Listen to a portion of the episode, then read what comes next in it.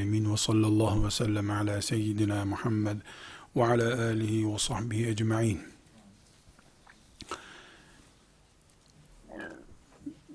Konuşmanın kolay, iş yapmanın zor olduğunu inkar edemeyiz.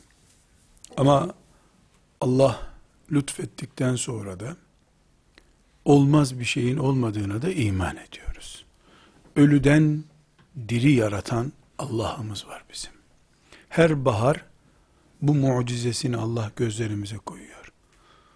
Kupkuru odunlardan çiçekler, meyveler yaratıyor Allah. Yuhricul hayye minel meyyit bu demektir. Binaenaleyh biz umutsuz olmayı gerektirecek bir durumda değiliz. Belki de şeytan aleyhillânenin üzerimizdeki en büyük planlarından biri bizi umutsuz hale getirmektir. Pasifize ediyor. Pasifize ettikten sonra da e, kendi kendini yiyip tüketen bir böceğe dönüştürüyor bizi. Onun için alimlerle ilgili, şeriatımızla ilgili ve benzeri şeyleri dertleştiğimiz ortamlarımızı umutsuzluk e, noktasına kadar taşımamak gerekiyor. Hiçbir şey yokmuş gibi kör bir tavşan gibi yürümenin de anlamı yok. Avcının önünde kalp sektesinden giden bir tavşana benzemeye de gerek yok. Bu bir mücadeledir. Rabbimiz böyle imtihan etmeyi murad etmiştir. Kudüs işgal edildiği gibi yüreklerimiz de işgal edildi bizim. Kudüs'ten Yahudi'yi tart etmek büyük bir cihat olduğu gibi yüreklerimizi hür hale getirip hür yürekli gençler, hür yürekli talebeler, hür yürekli alimler olmak zorundayız. Önce yüreklerimizde hürriyet meşalesini yakmamız lazım.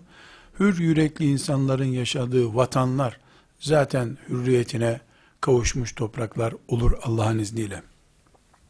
Burada çok basit bir alim programı çizmek istiyorum. Ebu Hanifelerin rahmetullahi aleyhim cemiyan e, nasıl yetiştiklerini vesaire e, konuşuyoruz. Daha da konuşmaya devam edeceğiz. Bu alim programına biraz daha devam edeceğiz. Çünkü kaynağını ve özünü tanıdığımız şey inşallah bize daha faydalı olur diye düşünüyorum. Ama bugün e, üç tane genç e, veya e, bir hoca efendi oturup alim bir nesil yetiştireyim dese, e, bunun için bir e, yola çıksalar, e, belki de e, cihat etmek için, Kudüs'ü kurtarmak için yola çıkanlardan daha değerli iş yapmış olurlar. Herkes Kudüs'ü kurtarmak için Filistin'deki Hamas'a yardım ediyor. Talebeye de burs veriyorlar ama talebenin ne okuyacağını bilen yok. Ee, Allah'ın kitabını kurtarmak için biyoloji kitabı satın alıyor talebeler. Yani Allah'ın kitabını, Kur'an-ı Kerim'i, hadisi şerifleri ihya etmek için üniversiteye girmekleri gerekiyor. Ee, belki de mezarlıklarda e, meyve ağacı yetiştirmeye benzer ölü ölü programlar Kur'an'a hizmet adına yapılıyor. E, zannediyorum önümüzdeki dönemde yani önümüzdeki yıllarda Müslümanların dertlerini dert edinmiş vefalı insanlar inşallah e, oturacaklar. Bu ümmetin geleceğinde Ebu Hanife olacak. İmam Şafii olacak, Malik bin Enes olacak, Ahmet bin Hanbel olacak adamlar yetiştirelim. Bukhariler yetiştirelim diyecekler ve bunu da tarikatları, cemaatleri, vakıfları, grupları adına değil, İslam adına yapacaklar. Bu gerçekleştiği zaman, bunu ben bir yerde gördüğümde, bir iznillahü teala, Kudüs'ün de kurtuluşu için yaklaşık bir tarih verebilirim o zaman. Kur'an'ını, peygamberinin hadisi şeriflerini, Bukhari henüz raflardan indirememiş bir nesil, Kudüs'ü kurtarsa ne yapacak? Alışveriş merkezi mi açacaksın Kudüs'te? Yani bu bu sebeple Allahu Teala Belki de Kudüs'ü e, bize bu sebeple nasip etmiyordur diye düşünüyorum. Bir alemin e, çalışma programını burada zikretmek istiyorum. Ama bu çalışma programında hangi kitapları okursa daha çok ilim elde eder gibi bir bakıştan değil. Günlük çalışmasını ya bir alim nasıl yetişiyor bunu e, özellikle zikredeceğim. E, inşallah e, hocam Abdülfettah Ebu Gudda rahmetullahi aleyh e, rahmete ona şefaate vesile olsun diye önümüzdeki derslerde hocamın Kıymetü Zemen Endel Ulema isimli kitabını müstakil bir ders yapacağım. Alimlerin vakit değerlendirmesi diye bir program yapacağız inşallah. Bir ders onu yapacağız. Bir de e, Safahatü Sabr e, Endel Ulema e, Safahatun min Sabril Ulema isimli kitabını e, özetleyeceğim burada. Alimlerin vakit kullanmaları ve alimlerin e, sabır anlayışı diye iki ders yapacağız. E, bu ayrı bir konu olmak üzere burada değerlendirme alanı dışında kalsın istiyorum. Okuyacağı kitaplar hangi hocadan okuyacak bunları girmiyorum ama bir alemin hayat programı ne olmalı onu konuşmak istiyorum. Kardeşler her şeyden evvel alimlik bir nasip meselesidir. Zorlamaya gerek yok. Yazacak Allah. Hiç çaresi yok. Yazacak. Bunu da nasıl yazacak kendi biliyor ama ana duası çok değerli, baba duası çok değerli. Anneler, babalar çocuklarını medreselere, imam hatiplere vermeden önce seccadelere gözyaşıyla o çocukların adını yazmalıdırlar. Bir anne şunu diyebilmelidir. Çocuğum bu ümmetin alimlerinden bir alim olsun diye. Şu seccademin başında akıttığım gözyaşı, bu seccadeyi bir defa iki defa yıkayıp temizleyecek kadar su olmuştur herhalde diyebilmeli. Öyle çocuğu Kur'an kursuna götürmekle olup bitmiyor bu işler. Bir arz talep meselesi bu. Arz talep. Ne kadar istiyor ümmet, ne kadar fedakarlık yapıyor. Bunu görecek ki Allah ölüden diri çıkartacak.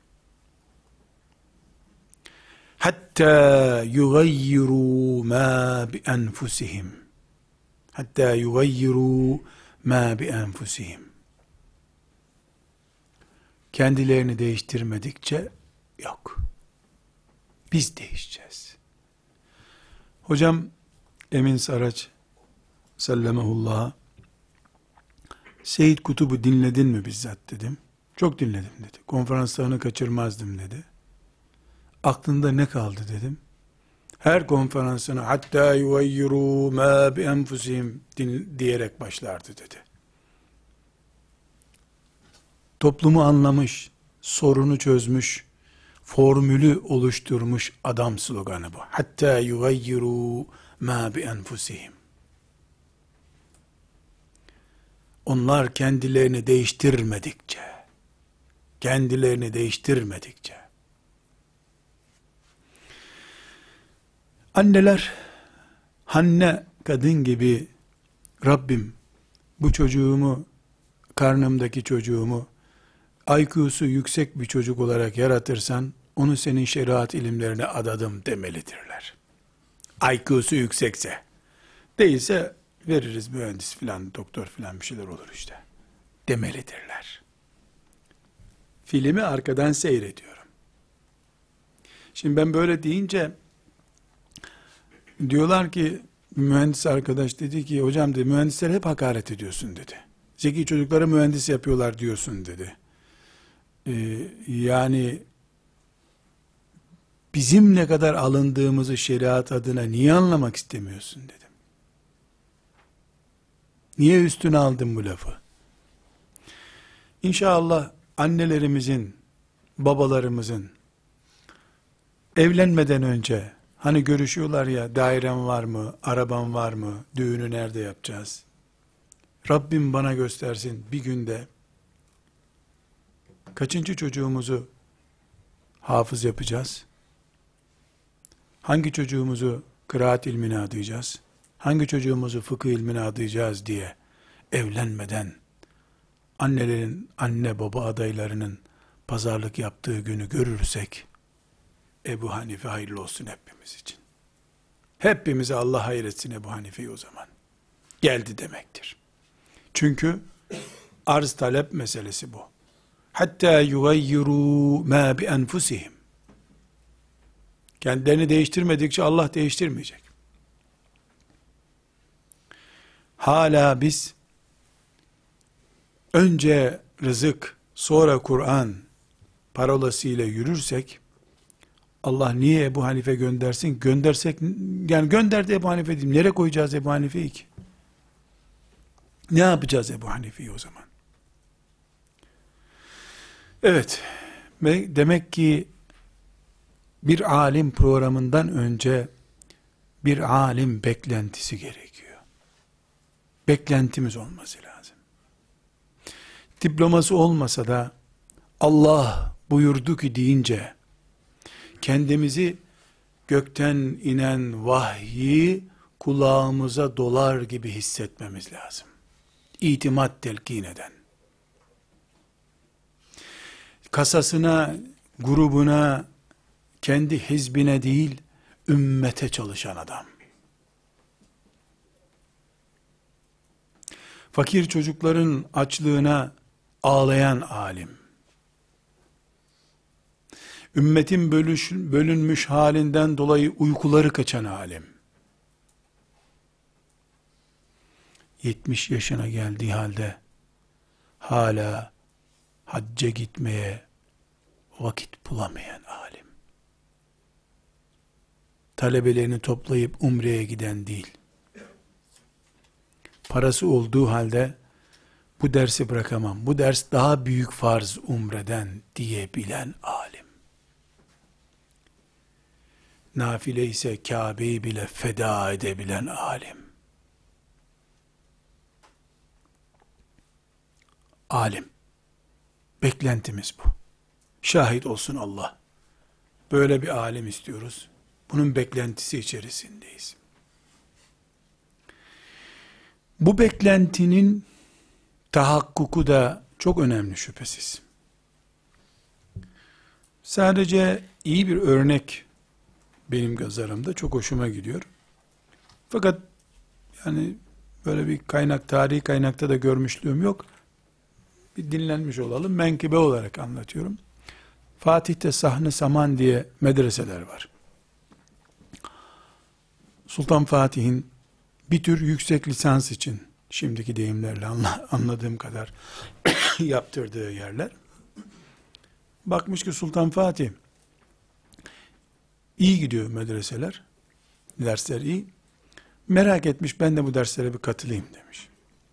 Baş müderrise demiş ki e, ben de katılabilir miyim ders dinleyeyim demiş.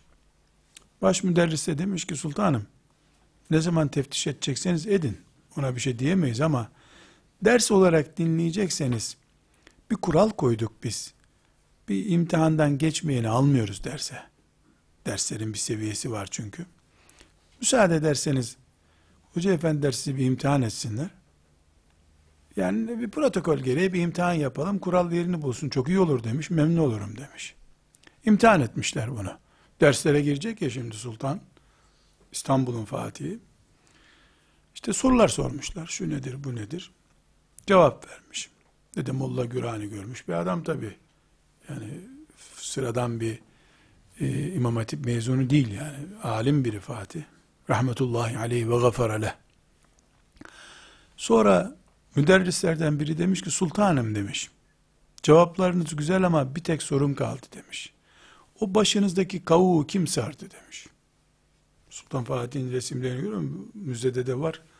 Sar sar sar sar bitmez örümcek ağı gibi bir şey kafasında. Hizmetçilerim sardı demiş. Buyurun derse girebilirsiniz demişler. Ama demiş sarığımla kavuğumla niye ilgilendiniz demiş. Bunun ilimle ne alakası var demiş. Soruyu soran müderris demiş ki sultanım ben sardım deseydiniz derse girmenize izin vermeyecektim. Bir sarıkla o kadar uğraşan adam ilim adamı olmaz çünkü. Hizmetçileriniz sardığına göre zararı yok demiş. Siz vakit kıymeti biliyorsunuz demiş. Dedim ya ayet değil, hadis değil, bunu göreni de görmedim. 550 senelik bir olay. Ama ilim budur. İnşallah hocamın Kıymetü Zaman Endel Ulema kitabını burada okuyacağım zaman ya da özetleyeceğim zaman diyelim. Bunu göreceğiz arkadaşlar. Alim beklentimiz olacak. Alim de beklendiğini bilecek, sarığı ile bile uğraşmayacak. Alim beklendiğini bilecek. Bir alim programı konuşuyoruz ama bu programdan önce kime alim diyeceğiz? Kimdir alim? Onu konuşacağız. Aynanın karşısında dakikalarca uğraşan bir insana beklenen alim vasfı veremeyiz. Beklendiğini bilecek, o heyecan ve şevkle ömür geçirecek. Bir alim, ayakkabısını bağlamaya bile vakit geçirmemeli. Bir hocamın e, çok güzel bir sözü vardı. Onu size de nakledeyim. Allah rahmet eylesin. Bana demişti ki Nurattin ayakkabını kapının önünde girme. Birini ayağına sok öbürünü merdivende giyersin. Vakit harcama kapıda demişti. Ben de edebiyat yaptım dedim ki hocam dedim merdivende düşer insan giyerken. Allah yolunda düşmüş olursun zararı yok dedi. Bu şüphesiz bir sembol yani. Çünkü kendisi terlikle dolaşıyordu o. Suudi Arabistan'da ayakkabı giymiyorlar. Onun te otomatik giyiyordu zaten şap diye ayağına giyiyordu terlikleri. Bu bir özet ifade bu. Ayakkabının ikisini de kapıda giyme vakit geçiyor. Vakit geçiyor. İlim adamı beklenen adamdır. Hasretiz. Hasret. Ama kendisi beklendiğinden haberi yok. Yanlış hasretimiz var demektir o zaman. Bizim hasretimiz olan o değil. Kendisine vakıf değil daha. Önce bunu tespit edeceğiz. Alim programından önce. Alime gelince kardeşler dedik ki bu bir nasip meselesidir. Allah murad edecek. Ama hikmeti gereği Allah kimi neyi murad ettiğini de bize açıklamıyor. Dolayısıyla geri zeka diye annesinin babasının adlandırdığı çocuktan IQ'su bütün değerlerin üstündeki çocuğa varıncaya kadar her yavrumuz ümmeti Muhammed'in umudu olmaya adaydır. Kendisi günün birinde 10 sene sonra anlar ki alim olması mümkün değil. Peki bir alimin ibriğinde su dökemez mi? Alime hizmet de alimdir. Alime hizmet de ilim yolunda olmaktır. Bir okun gücü isimli derste bunu anlattım. Biz öyle bir ümmetiz ki bir okla kaç kişiyi cennete koyuyor Allah. Bu sebeple evet Allah seçmiş olacak ama kimi seçtiğini söylemiyor bize. Niye? Çok yoğun çalışalım diye. Sadece IQ'su yüksek çocuklarla, babası zengin çocuklarla değil, ümmeti Muhammed'in bütün çocuklarıyla bir umut projesi yapalım diye istiyor. Önce bu olacak. İkinci olarak kardeşler, kadınlar kuma sevmezler de şeriat ilimleri kuma sever mi zannediyoruz? Alim bekliyorsak alime bütün ilmi adayacağız. Burada bir ayrıntıya gireyim. Alemi İslam'da eğitimle ziyaretçi maksadıyla da olsa ilgilenmiş bir kardeşinizim. Irkçı olmadığımı şu kadar senedir kameraların önündeyim. Hepimiz şahitsiniz inşallah. Asla ırkçı değilim. Türkiye Cumhuriyeti'nin e, şeceresindeki zulümlere de ne tepki gösterdiğimi herkes biliyor. Dolayısıyla sözlerimin herhangi bir tarafa kıvrılmayacağını zannederek söylüyorum. Arkadaşlar bütün alemi İslam'da Ezher'de bu sözüme dahil Türkiye'deki imam, imam hatip liseleri kadar güzel bir lise programı yoktur. Çok kalitelidir. Şu haliyle bile ki bizim mezun olduğumuz zamanlar çok daha güzeldi programı. Şu anda İslam aleminde matematikten de bir nebze, fizikten de bir nebze, biyolojiden de bir nebze, tarihten bir nebze bilip şeriatın özüne dair ilimleri de öğretecek bir yoktur arkadaşlar. Ya tek taraflı işte sadece fen ilimlerinin bulunduğu var ya da fen ilimlerinden hiç koklatılmayan medreseler var. İmam Hatip Lisesi programları çok güzel programlardır. Müslüman genç yetiştirmek için İmam Hatip liseleri idealdir program olarak. Fakat alimlik başka bir şey. Alim, Kur'an'la, hadisle yoğrulmuş insan demektir. Kur'an ve hadis okumuş insan değildir. O Müslüman insandır. Bu sebeple çocuklarımızın alim olarak yetiştirilmeli, yetiştirilmeleri konusu, bir alim yetiştirme programı yapılması meselesi, önce anaların, babaların ideallerinden oluşacak. Bir. İki, bu işi üstlenecek adamlar kim? Kendileri alim değilse bile, ilmin, alimin kıymetini bilen insanlar, bir hatıramı daha anlatacağım. İbrahim Hafnavi diye bir hocam vardı. Dedi ki, e, Mısır'da Asyut diye bir yer var. Orada dediler ki bana, çok genç yaşta çocukları e, hafız ve alim yetiştirmek için e, program yapıyoruz. Bu hocam da usulü fıkıhta iyi birisi. Bize hızlandırılmış usulü fıkıh dersleri ver dediler. Ben de çok hoşlandım bundan dedi. Her şeyi bıraktım. Bir yıl izin aldım üniversiteden dedi. Gittim. Ev kiraladım dedi. Çoluk çocuğumu götürdüm. Bir yıl usulü fıkıh giriş dersleri yapacağım dedi. Ee, iki gün talebeleri tanımam için derslere gireyim diye izin istedim dedi. Talebe gibi derslere girdim dedi. Kur'an hocası derse girdi dedi. 7 yaşında çocuk dedi. Kur'an okuyor. Ee, bir iki yanlış yapmış çocuk. Ee, hocası sinirlenmiş. Türkçesini söyleyeyim o. Köpek yavrusu demiş. Üç gündür aynı hatayı tekrar ediyorum sana. Bunu niye böyle yapıyorsun? Köpek yavrusu diye bağırmış hoca. Gözümü açtım baktım dedi. Çocuk hiç aldırmadı dedi.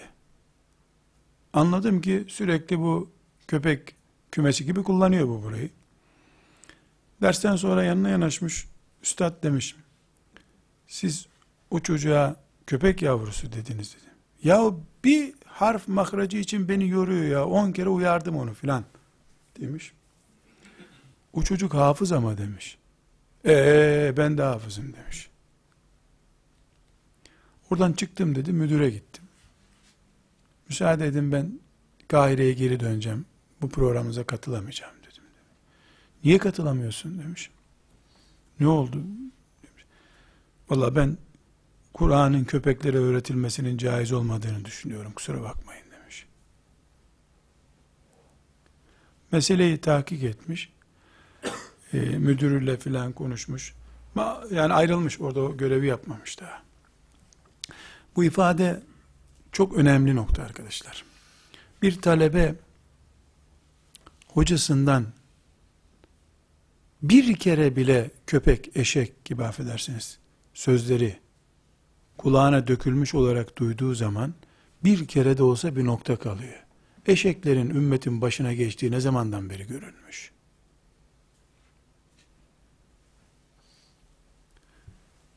Bu sebeple anneler, babalar evlenmeden alim yetiştirmeye başlayacaklar doğurduklarına. Kime emanet edilecekse bu alim adayları bunlar ya vazgeçip bu ümmetin bu yükünü biz kaldıramayız deyip kaçıp gitsinler ya da Hacerül Esved'i sen bir tutsana Kabe'deki yeri henüz yapılmadı inşaat deyip Hacerül Esved'i elinde tutmak zorunda kaldığını düşünün bir Müslümanın. Yastık yapıp onun üstüne uyur mu? Hacerül Esved'i nasıl tutar bir Müslüman? Sen tutacaksın bunu dediler. Böyle eli böyle ayağı kırılsa bırakmaz onu herhalde. Koyup yere üstüne oturacak hali yok. Hacerül Esved'i tutar gibi talebeyi tutan alim olacak. Bu ümmeti Muhammed'in önüne geçecek. Resulullah'ın varisi olacak diyecek birisi yönetici olmalı. Böyle bir medresede.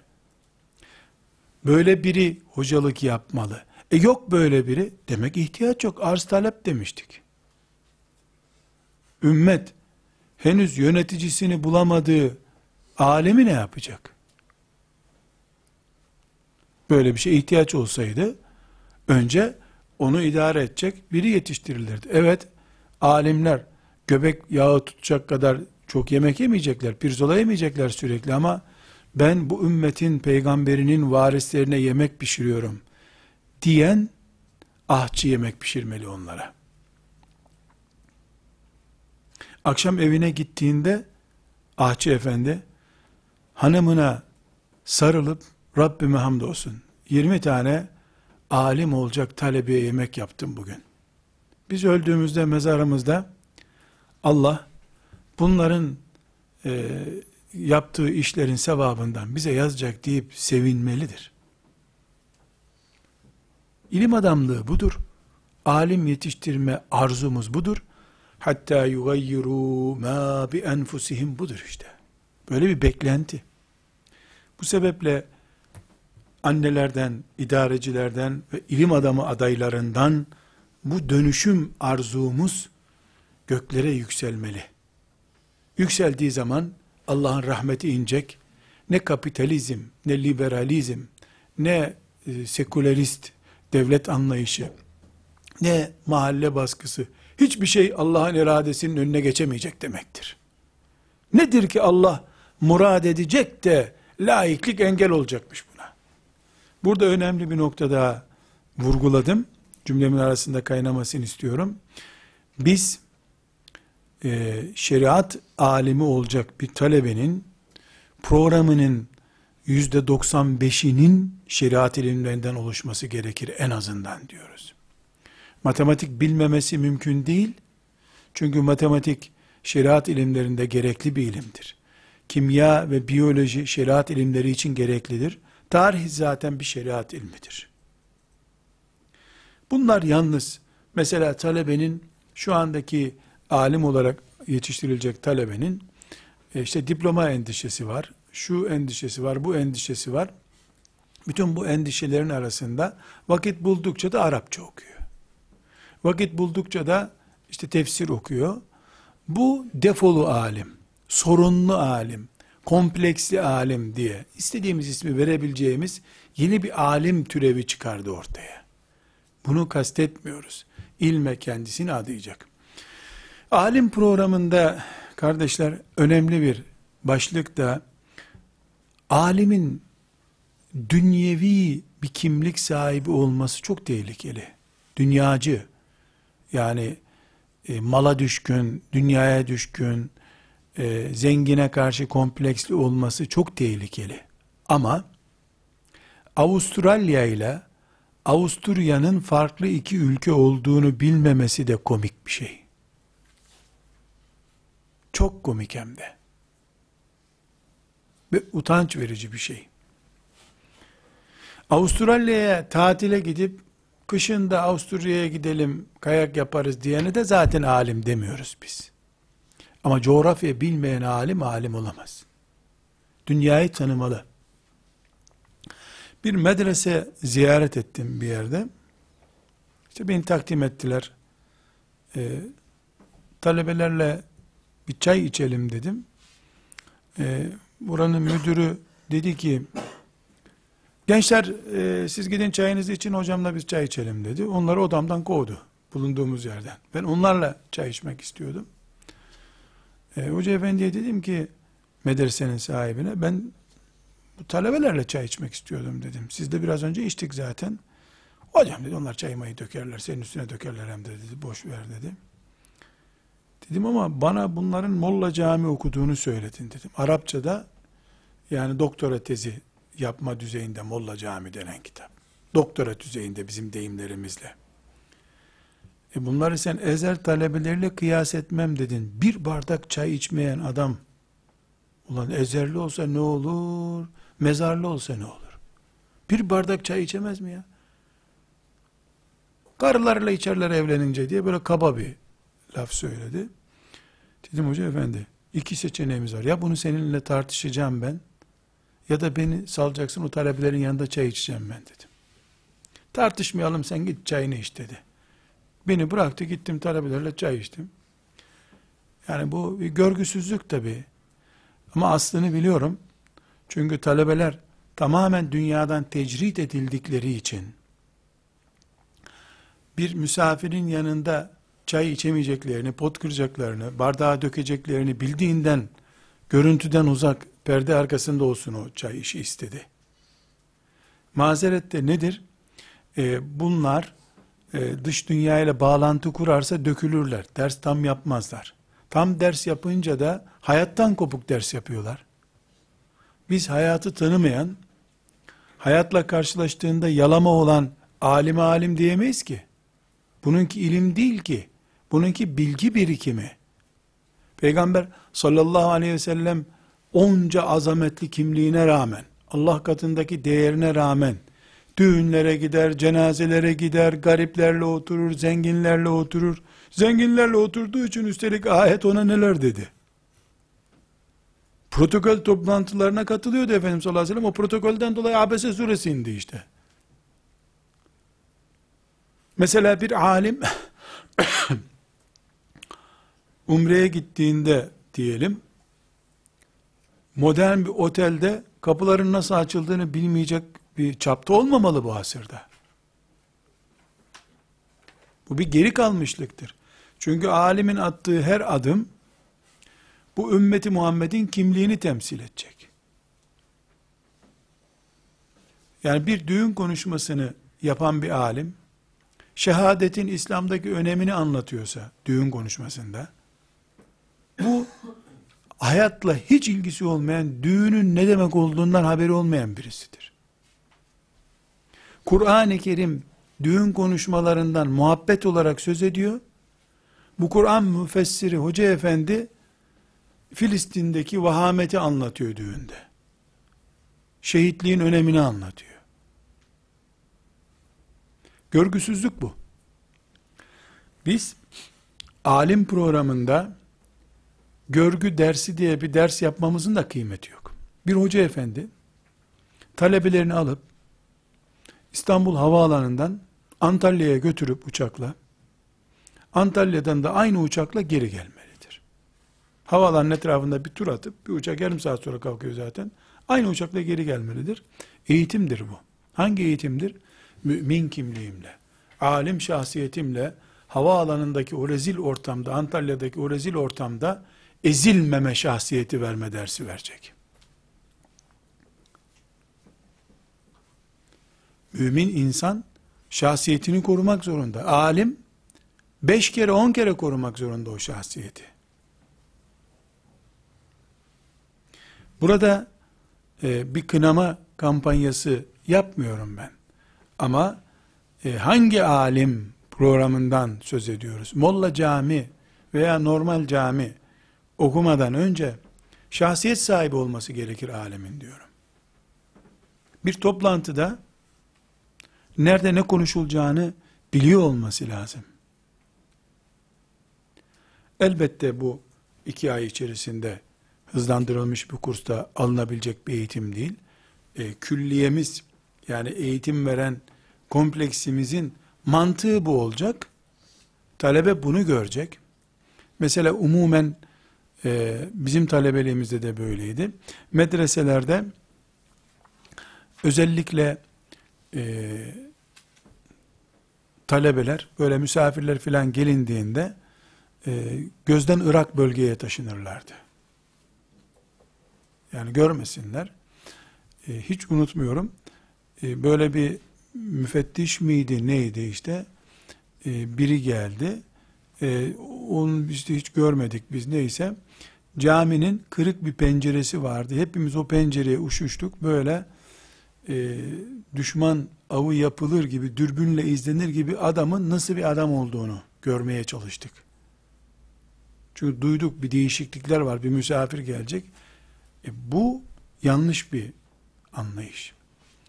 Bu yıllar sonra rütbeli bir adam görünce, üniformalı bir adam görünce, ceketinin düğmesiyle gömleğinin düğmesini birbirine karıştıracak kadar eli ayağı birbirine karışan insan profili çıkarıyor ortaya. Zilleti doğal hale getiriyor. Alim vakur olmadıktan sonra bu ümmetin hiçbir şekilde haysiyetini temsil edemez ki. Alimde bunu istiyoruz. Bu şart. Bir başka mesele kardeşler, alim insan yetiştireceksek eğer, kabiliyetlere uygun alanlarda adam yetiştirmek lazım. Çünkü alimlik, tefsir ağırlıklı bir çalışmada da alimliktir. Fıkıh çapında da ağırlıklı alim demektir. Arapçayı dil olarak ele aldığında da alim alimdir. Yani hepimizi Allah farklı meziyetlerle, kapasitelerle yaratmıştır. Mesela Arapça okurken zevk alan, Arapça e, çalışan e, bir talebe, e, eğer Arapçada kabiliyeti olduğu anlaşılırsa, o Arapçası ağırlıklı bir programda okutulmalıdır. Ezberi çok güçlü, e, bir kere duyduğunu hemen tekrar edebilen birisi, hafızlıktan sonra hadise yönlendirilmelidir. Matematik zekası güçlü birisi fıkha yönlendirilmelidir. Hayır, bizim medresenin programı böyle dersek, o zaman alim için medrese kurmamış, medresemiz için ilmi suistimal etmiş oluruz. Eğer ümmetse derdimiz, bizim medresenin programı bu tefsir okutuyoruz biz burada. Bizde fıkıh yok. Ama bunda fıkıh melekesi yüksek görünüyor. E fıkıh melekesi olan öbür medreseye gönderelim. Zeki çocuğu niye gönderiyorsun ya? Niye zeki çocuğu göndermiyorsun? E sen onu okutamıyorsun. Tefsir okusun. E tefsir başka bir kabiliyet. Tefsir demek ezber demek. Kur'an-ı Kerim'i e, bir kere ezberliyorsun, hafız oluyorsun. Yaklaşık iki kere daha ezberledin mi İbn Abbas oluyorsun. Tefsir budur. Ama ahkam meselelerine dalmak için fıkıh melekesi gerekiyor. Fıkıh melekesi yarı matematik zekası demek. Muhakeme gücü yüksek olması gerek demek. Bunu sen medresede program olarak koyamıyorsun. Koymak zorunda değilsin zaten. Ama bunu okutan bir ikiz medresen, partner bir medresen, e yok bizden başka hak yolda kimse yok. İnna lillahi ve inna ileyhi raciun. Mesele bitti zaten. Senden başka bu ümmetin ilim medresesi yoksa e, o zaman biz hala arayışımıza devam edelim gene. Bu dükkanda da satılmıyor bizim malımız ya da beklentimiz demek zorundayız. Kabiliyetlerimizin farklı olması doğal. Öyle olması gerekiyor zaten. Ee, Ebu Hanife ile Muhammed bin İdris Eşşafi arasında takvada sezebileceğimiz bir fark yok. E, çok ciddi bir şekilde amaç farkları da yok. Bir farkları yok zaten. Ama birinin hadis ağırlıklı mantığı var. Birinin de matematik kafası var. Ebu Hanife matematik kafası daha güçlü yani muhakeme yapabilen, formülize ettiği şeyler üzerinden e, yoğun alternatifler üretebilen bir kafası var. Bu ümmeti Muhammed'in fıkıh menşei olarak onu ihtiyar etmiş Allah.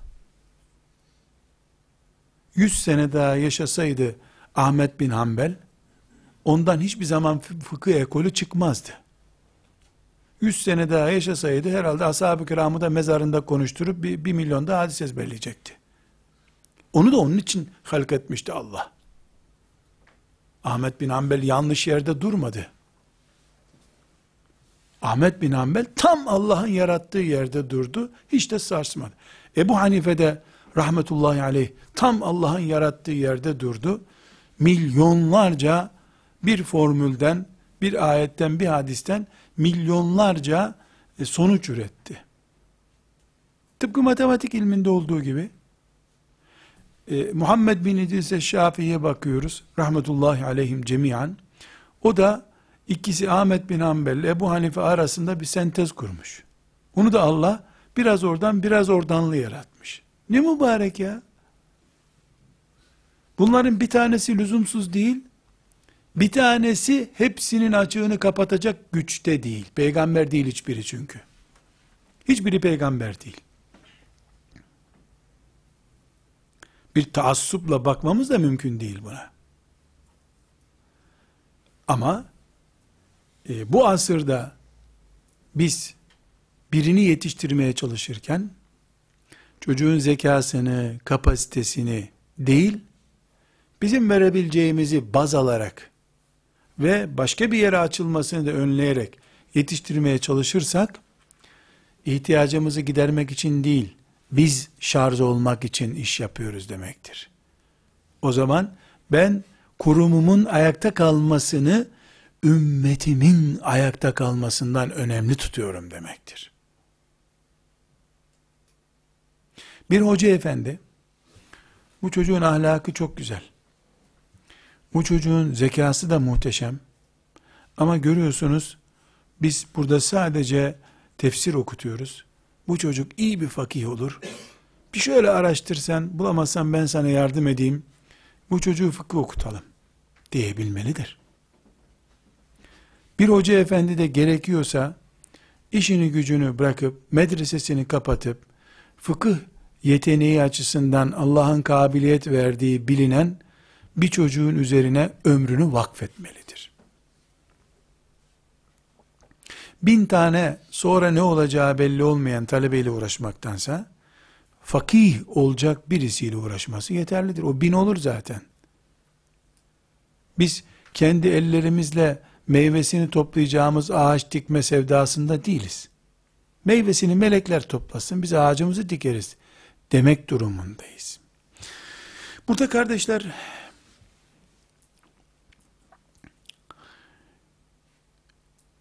ümmeti Muhammed'in derin yaralarından biri olan alim açığı, peygamber varisi açığını konuşuyorum. Bu sözlerimin böyle çok rahat anlaşılabilir, hemen idrak edilebilir çapta olmadığını da biliyorum. Ama birinin bunları söylemiş olması lazım. Yarın konuştuklarımız kadar konuşmadıklarımızın da hesabını vereceğimiz yere gideceğiz. Allah o gün yardımcımız olsun. Sadece Kur'an kursu açmakla şeriatımızın ihtiyacının karşılandığını zannedenler iyi niyetlidirler. Adam kendi alim değil, emekli bir hacı efendi. Şurada bir medrese açayım diyor. Ay Allah ondan razı olsun. Ne bilir nedir ihtiyaç? Hoca efendiler bunu e, muhakkak öne çıkarmalıdırlar.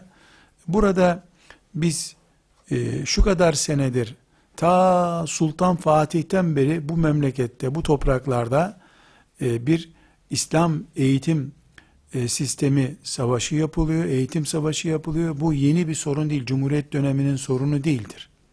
Osmanlı'nın son 100 senesinde de medrese müfredatı beyin çıldırtacak çapta sorun oluşturmuştur. Rutin şeyleri tekrar etmeyi kafi gören bir anlayışla bir şeyler yapmak isteyenler sürekli savaşmak zorunda kalmışlardır. Şimdi benim bu sözlerimin de faturasını ben tahmin ediyorum. Kargodan gelince o fatura göreceğim bunu. İşte Arapçaya karşı, medreseye karşı, şuna karşı. E Allah Teala görsün de neyin karşısında, neyin de kenarında, neyin içinde durduğumuzu Allah görsün yeterlidir. Ama her halükarda bizim medresemiz kapanmasın, talebesi bulunsun bir anlayıştır. Benim ümmetimin neye ihtiyacı var da bir anlayıştır. Biri ümmet anlayışıdır, biri kişisel hırstır. Şahsi menfaattir. Burada kardeşlerim, alim projemizle ilgili dikkat etmemiz gereken hususlardan birisi de ilmin iki büyük engeli var. Zannediyorum Zencuni'nin e, Talimül Mütealeminde mi gördüm veya şu anda kaynağı aklımda değil. Ebu Hanife rahmetullahi aleyhin e, Ebu Yusuf'a nasihatlerinden birinde tam e, yani cümlenin aynısını hatırlamıyorum şu anda e, ama özet olarak söylüyorum. Diyor ki yavrum diyor ilmin iki düşmanı vardır diyor. Kadının bacağıyla keseler ilim düşmanıdır diyor. Kese ve evliliği yani kastediyor. Evlilik haramdır diyecek hali yok Ebu Hanife'nin. Rahmetullahi aleyh. Ama ben bunu bugünkü alim sıkıntısına, alim ihtiyacımız, alim programımıza yansıtmak istiyorum. Evlenmenin neredeyse 15 yaşında bile farz olabileceği bir ortamda yaşıyoruz. Alim yetiştirmeyi evlilik dışında olacak dersek sapık alim yetiştirebiliriz. Doğallığın dışına taşırız alim adayını. Aynı şekilde gelecek endişesi, rızık endişesi, maaş bordrosu put gibi herkesin önünde duruyor. Çok enteresan, 7 yaşında bir çocuğu bile, birinci sınıfa giden çocuğu, ilkokulun önünde durdurup, sen ne olacaksın cicim büyüyünce, işte filan meslekten olacağım parası çokmuş onun diyor. 7 yaşında çocukların paralı ve parasız meslek seçimi yaptığı bir zamana geldik. Tabi bu anneler babalar toplumun gidişatından etkileniyor bu çocuk. Ne bilecek nereden para kazanılıyor? Şimdi bu iki sorun çözülmeden alim yetiştirilemez. Sorunlu alim adayları yetiştirilebilir. Elbette evliliği kaldıramayacağımız gibi 15 yaşında hafızların hepsi evlensin de diyemeyiz. Zaten evlenince bir medrese ortamı oluşturmakta bir sorun. Ama ama talebenin protein ihtiyacını gençlik ve şehvetlerini kışkırtmayacak düzeyde bir yemek menüsü düşünmeliyiz alim istiyorsak. Şu yiyeceği doktor tavsiyesiyle şu kadarı zorunlu, şuradan fazlası da bünyede fazla hormon yapar, sıkıntılıdır deyip yemek menüsünü bile buna göre ayarlamalıyız. Mesela ciddi bir sorun olarak e, son 100 e, senenin sorunu veyahut da ta Abdülhamit'ten itibaren de alırız istersek. Şimdi genelde medreseler sadece kız ve sadece erkek diye kurulur ki Böyle olması gerekiyor. Yani bunun dışında zaten e, şeriatımızın konuşulduğu bir ortam söz konusu olmaz. Ama sadece kız veya sadece erkeklerin kaldığı ilim merkezleri şeriatın emrettiği şeydir.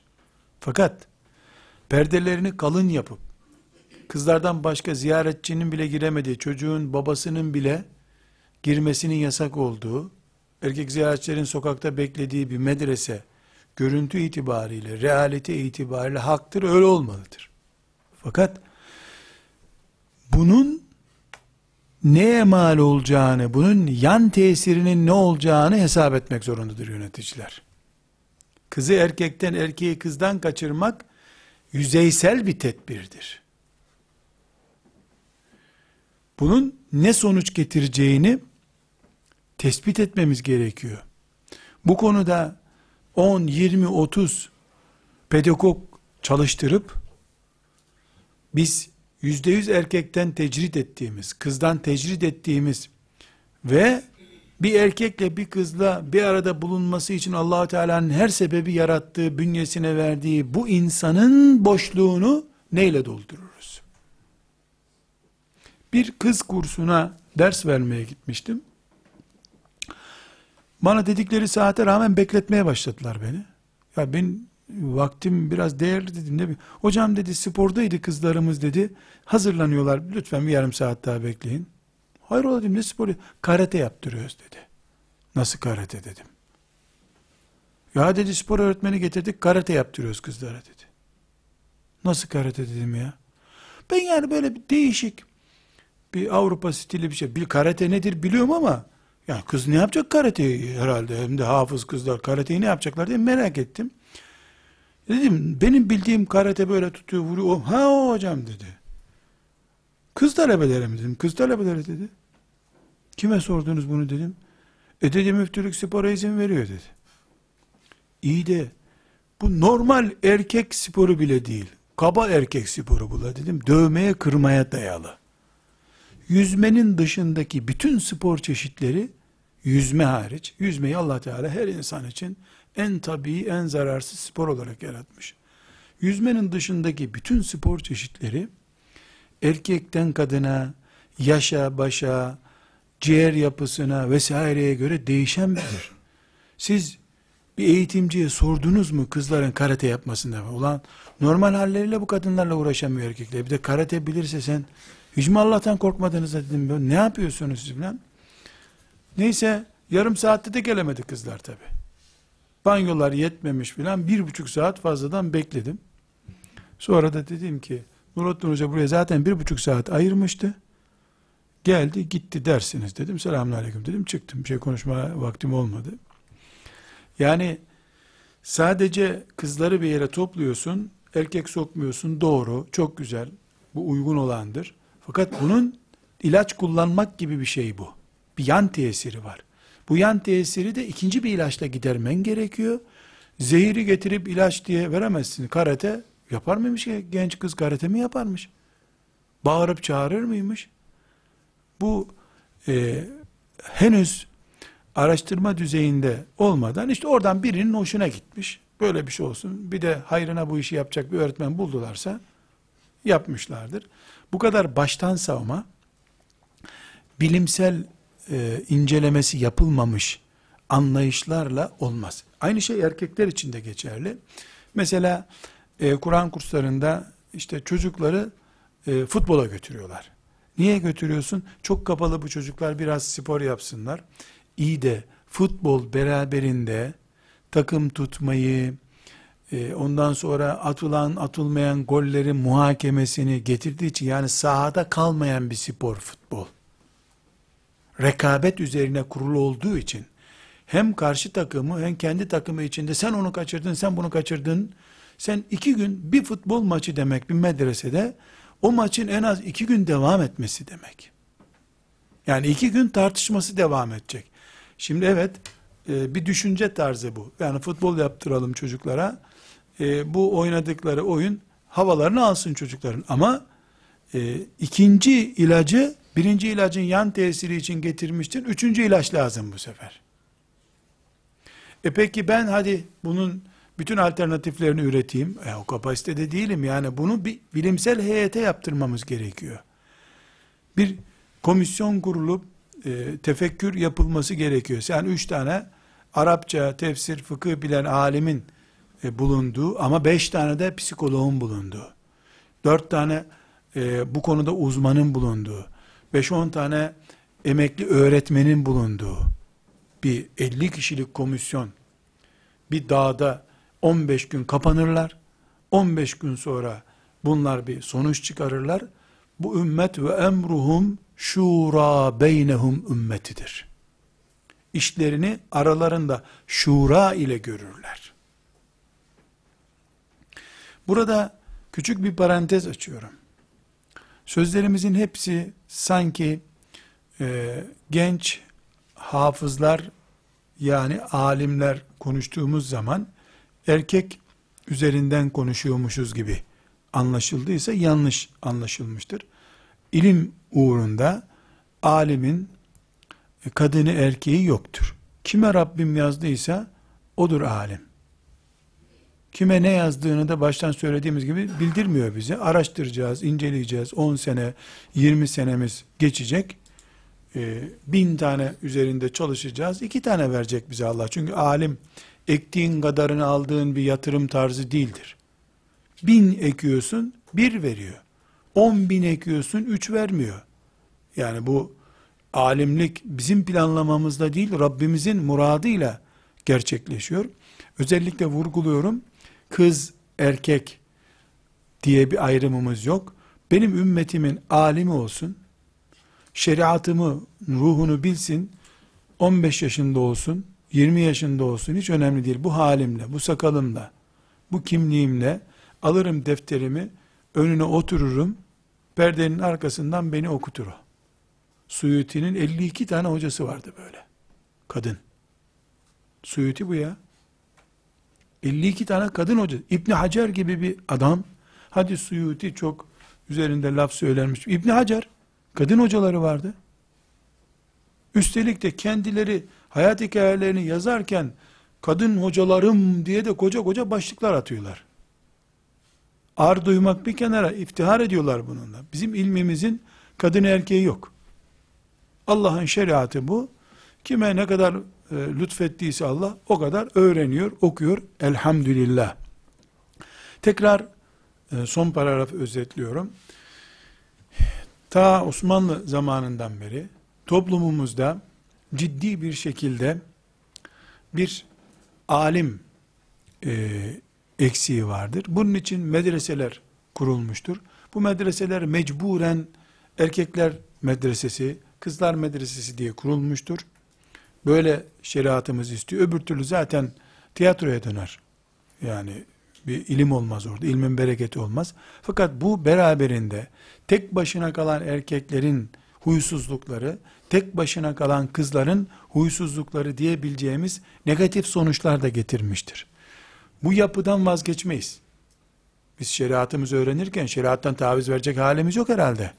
Yine alimlerimiz tek erkeklerin, tek kızların kaldığı yerlerde yetişecektir. Ama bu negatiflere kesinlikle bir çare bulunur. Neden? Allah çözümünü indirmediği bir sorun indirmemiştir bu dünyaya. Hadis-i şerif bunu hastalıklarla ilgili nasıl buyuruyor?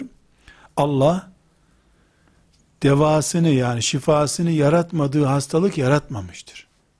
Buna binaen diyorum ki Allah çözümünü de halk etmediği bir sorun yaratmamıştır. Ama uğraşanlara bu çözümü e, gösteriyor ayrı bir konu. 3 sene, 200 sene, 500 sene uğraştırıyor. Sonra bir kuluna lütfediyor. O kulu bu formülü çözüyor.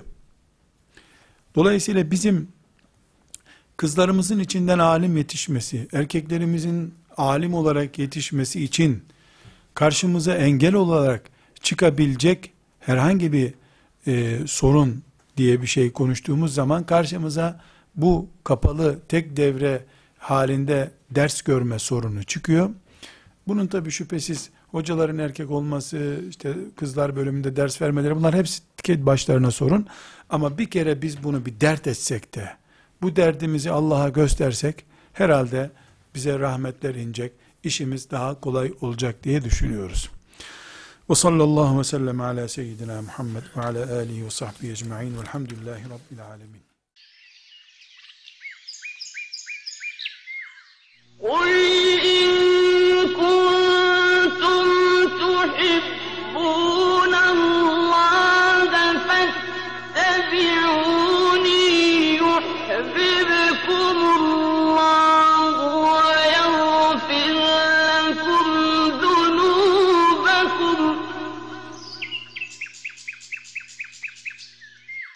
والله